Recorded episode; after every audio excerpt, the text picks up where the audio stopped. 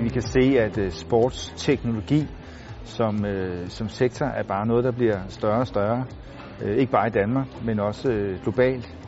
Og, øh, og det, er, det er en sektor, som er, øh, er afhængig af innovation, af iværksætteri, af nye idéer.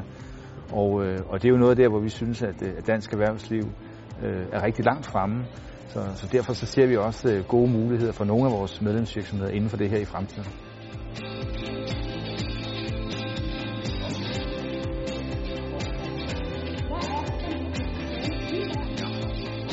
Vi har valgt at støtte op om at skabe et nationalt øh, center for idrætsinnovation, øh, fordi vi ser et stort potentiale. Øh, vi har en masse startup virksomheder, der, der fokuserer på potentialet. Vi har øh, et stærkt øh, miljø omkring vores idrætsorganisation, Dansk Idrætsforbund, øh, som omdrejningspunkt. Vi er kendt for design, og vi er et ret digitalt samfund.